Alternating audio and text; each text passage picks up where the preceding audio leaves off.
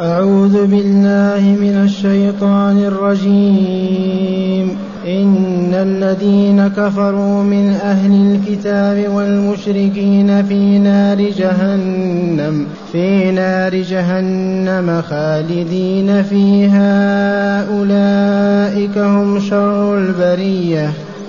إن الذين آمنوا وعملوا الصالحات أولئك هم خير البرية. جزاؤهم عند ربهم جنات عدن تجري من تحتها الأنهار تجري من تحتها الأنهار خالدين فيها أبدا. رضي الله عنهم ورضوا عنه. ذلك لمن خشي ربه.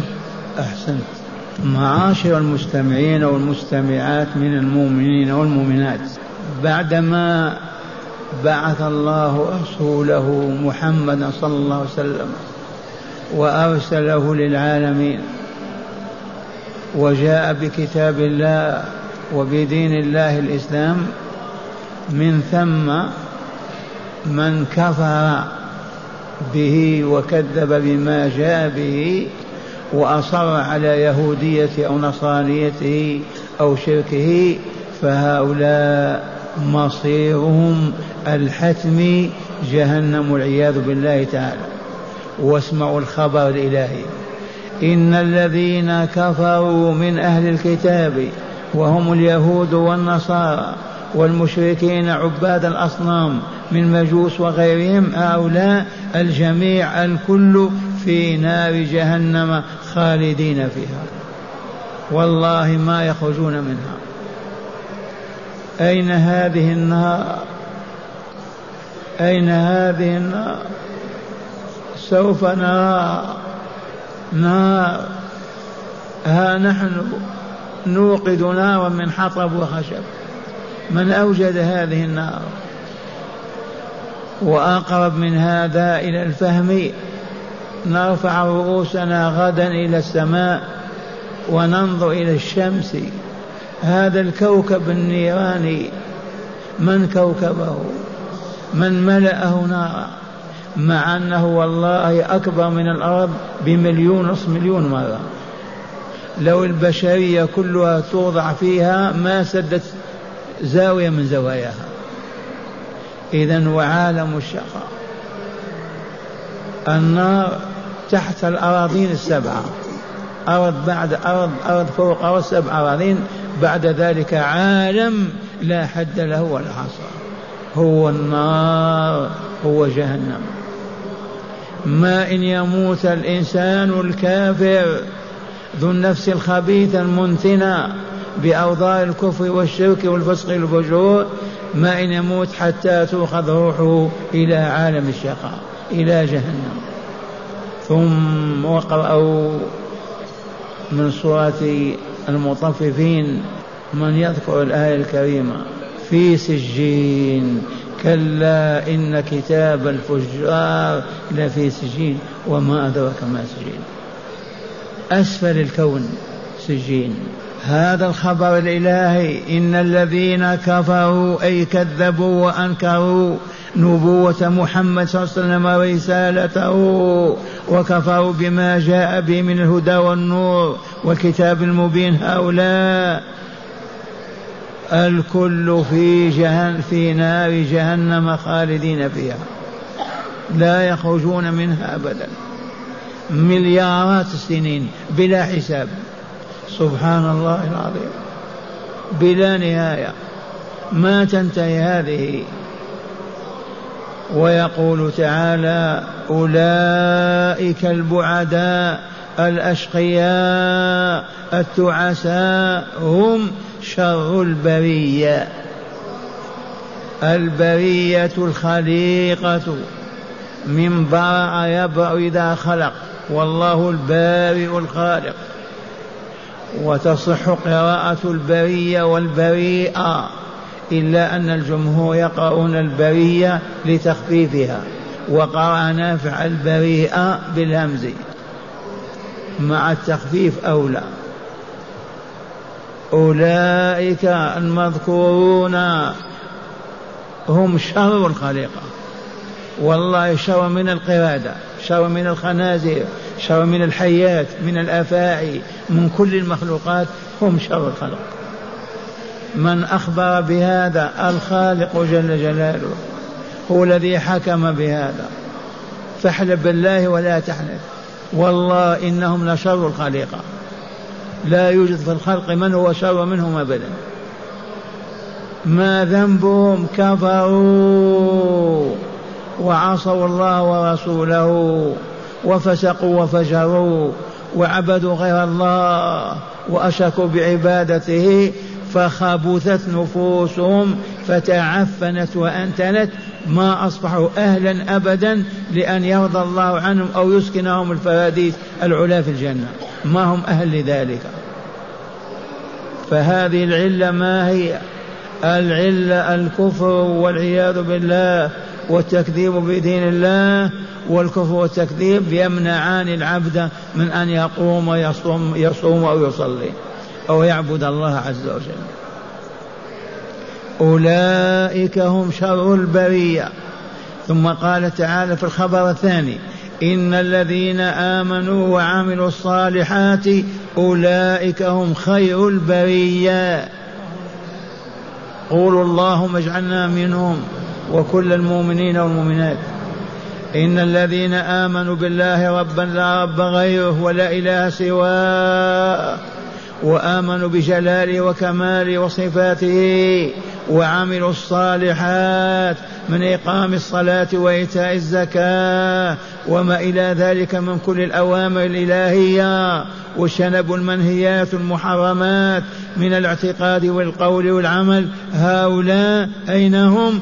أولئك السامون الأعلون هم خير البرية. الأولون الكفار شر البرية والمؤمنون خير البرية. حتى قال بعض العلم خير البرية أفضل من الملائكة والقول الصحيح بعض الملائكة لا نصل إلى مستواهم وبعضهم يكون خيرا منهم. لأن البرية بمعنى الخليقة يدخل الملائكة في هذا. إذا استثنينا جبريل وميكائيل وإسرافيل الملائكة العظام نقول الآية عامة في كل الملائكة باستثناء أفاضلهم وكارمهم أولئك هم خير البريئة أي الخليقة. من برأهم؟ الله.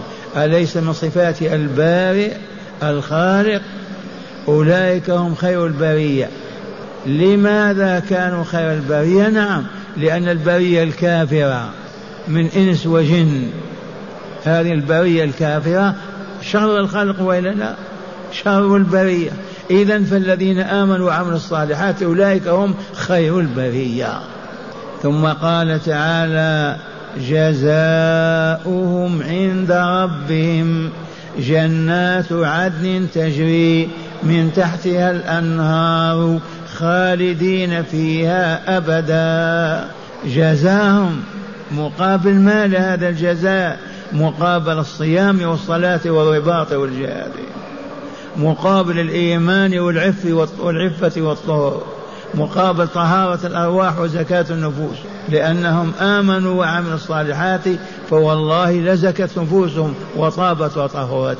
لأن الإيمان الصحيح والعمل الصالح أداة تزكية النفوس وتطهيرها. والله ما تسكن نفس البشرية ولا تطيب ولا تطهر إلا على الإيمان الصحيح والعمل الصالح. ذي مادة التزكية والتطهير. كأنما كأنما ما كما أن مادة الخبث والعياذ بالله الشرك والكفر. تصبح النفس من أخبث الأشياء وأدسها. جزاؤهم أين الجزاء عند ربهم؟ ما إن تخرج روح العبد الصالح إلا ويعرج بها إلى الملكوت الأعلى إلى الجنة دار النعيم. جزاؤهم عند ربهم جنات ما هي جنة واحدة؟ جنات عدن إقامة دائمة لا انتقال منها ولا خروج منها بحال العدن الإقامة تجري من تحتها الأنهار الثمانية. نهر العسل نهر الخمر نهر الماء نهر اللبن. فيها أنهار من ماء غير آس وأنهار من لبن لم يتغير طعمه وأنهار من خمر لذة للشاربين وأنهار من عسل مصفى. هذه الأنهار تجري تحت الأشجار والقصور.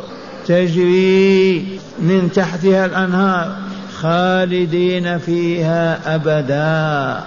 لا يموتون ولا يخرجون أبدا. إلى كم هكذا قولوا آمنا بالله آمنا بالله. الذي خلق هذه الأرض وخلق هؤلاء المخلوقات من إنس وجن وحيوانات عاجز على أن يخلق مثلهم؟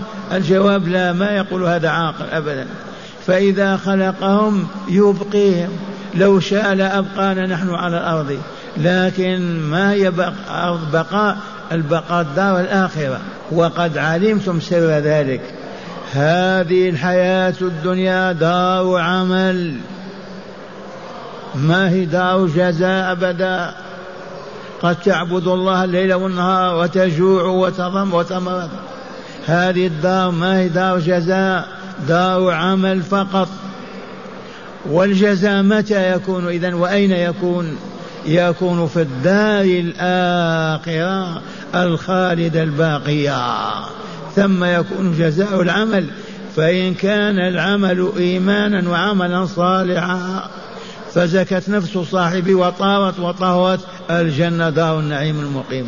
وإن كان العمل كفرا وفسقا وفجورا فخبثت النفس وتعفلت فالجزاء أين يكون الجزاء؟ في جهنم وبئس المصير. وقوله تعالى رضي الله عنهم ورضوا عنه هذه بكم هذه؟ هذا الوسام العالي بكم يساوي هذا رضي الله عنهم ورضوا عنه. رضي عنهم فقربه منه وأدناهم إليه وأنعم عليهم وجعل جنة مأواهم يخلدون فيها. ورضوهم عنه بما وهبهم وأعطاهم من نعيم الجنة الدائم الباقي. هو رضي أولا ثم رضوا رضي الله عنهم ورضوا عنه. رضوا عن ربهم. لماذا؟ لما أعطاهم لما أكرمهم لما أنعم به عليهم. حسبوا أنه في دار الخلد والبقاء والنعيم دائم. ثم ختم تعالى الآية بقوله ذلك الذي سمعتم من الجنة دار النعيم المقيم ورضوان رب العالمين ورضا أوليائه عنه. ذلك لمن هو هذا لمن خشي ربه. لمن خشي ربه. ومعنى خشي خاف. فخاف فلم يعص الله تعالى. فعبده وأطاعه فزكت نفسه وطابت وطهرت فأصبح أهلا لرضا الله عز وجل. وهنا اعلموا وقد علمتم وزادكم الله علما أن الخشية الحق لله لن تكون إلا لأهل العلم. الذي ما يعرف الله بجلاله وكماله وقدرته وعظمته يخافه والله ما يخافه. والذي ما عرف محاب الله ولا مكارهه كيف يخشى الله ولا يفعل المتروك ولا ويفعل المحبوب؟ لا بد من العلم وحسبنا في ذلك قول ربنا عز وجل إنما يخشى الله من عباده من؟ العلماء. إنما يخشى الله من عباده العلماء. أما الجهال والله ما يخشون ربهم ما عرفوا حتى يخشوه ما عرفوا جلاله ولا كماله ما آمنوا به ما عرفوا ما يحب ولا يكره كيف يخشونه؟ إنما يخشى الله من عباده العلماء. ومن هنا طلب العلم فريضة. على كل مسلم ومسلمة. وهذا قول الرسول الكريم صلى الله عليه وسلم طلب العلم فريضة على كل مسلم. ما ذكر المسلم لأنها تابعة للمسلم. إنما يخشى الله من عباده من؟ العلماء. العلماء بماذا؟ بالصناعات بالزراعات. بماذا العلم هذا العلم؟ بالأمراض والأوجاع وما إلى ذلك. أطباء إنما يخشى الله من العلماء بالله العارفين بأسماء الله وصفاته العارفين بجلال الله وكماله العارفين بربوبيته وألوهيته العارفين بمحابه من الاعتقادات والأقوال والأعمال العالمين بمكاره من الاعتقادات الباطلة والأقوال الفاسدة والأعمال السيئة. هؤلاء العلماء رجالا أو نساء هم الذين يخشون ربهم. خشية حق فيعبدوه وحده ولا يشرك به سواه. والآن مع هداية الآيات. بسم الله. بسم الله والحمد لله والصلاة والسلام على رسول الله. قال من هداية الآيات أولا بيان جزاء من كفر بالإسلام من سائر الناس وأنه بئس الجزاء. أعيد بيان جزاء من كفر بالإسلام نعم. من هداية الآيات التي تدارسناها والحمد لله من هدايتها بيان جزاء من كفر بالإسلام وأعرض عنه وما آمن بنبيه ورسول محمد صلى الله عليه وسلم ولا عبد الله بما جاء في هذا الإسلام من عبادات والآداب والأخلاق. بيان جزائه إن الذين كفروا من أهل الكتاب والمشركين جزاهم في جهنم خالدين فيها. نعم. ثانيا بيان جزاء من آمن بالإسلام ودخل فيه وطبق قواعده واستقام على الأمر والنهي فيه وهو نعم الجزاء رضا الله والخلود في دار السلام. ثانيا من هداية الآيات بيان جزاء المؤمنين الصالحين الذين آمنوا بالله ولقائه آمنوا بمحمد وبما جاء به وعبدوا الله عز وجل بما شرع لهم. وبين لهم في كتابه وعلى لسان رسوله صلى الله عليه وسلم هؤلاء المؤمنون الصالحون بين تعالى جزاءهم وهو النعيم المقيم في دار السلام في جوار رب العالمين. اللهم اجعلنا منهم. ثالثا فضل الخشية. إن حملت صاحبها على الطاعة على طاعة الله ورسوله فأطاعهما بأداء الفرائض وترك المحرمات في الاعتقاد والقول والعمل. من هداية الآيات بيان فضل الخشية أي خشية الله تعالى. بيان فضل خشية الله تعالى وقد علمتم أن الذي ما عرف الله وعرف جلاله وكماله ما يخشاه والذي ما عرف ما يحب الله ولا ما يكره الله ما يخشى حتى يفعل الحبيب ويترك المكروه وبين ذلك لا بد من العلم. إنما يخشى الله من عباده من؟ العلماء. ما قال التجار ولا الزراع إنما يخشى الله من عباده العلماء.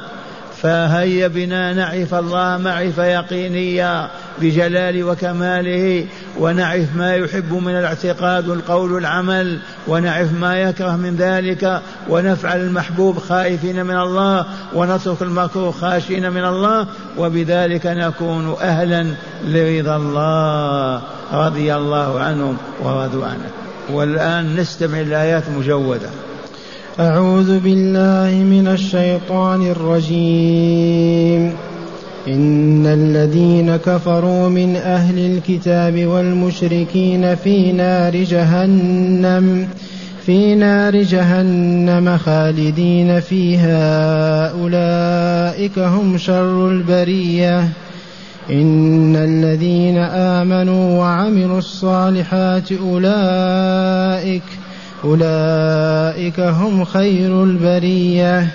جزاؤهم عند ربهم جنات عدن تجري من تحتها الأنهار تجري من تحتها الأنهار خالدين فيها أبدا.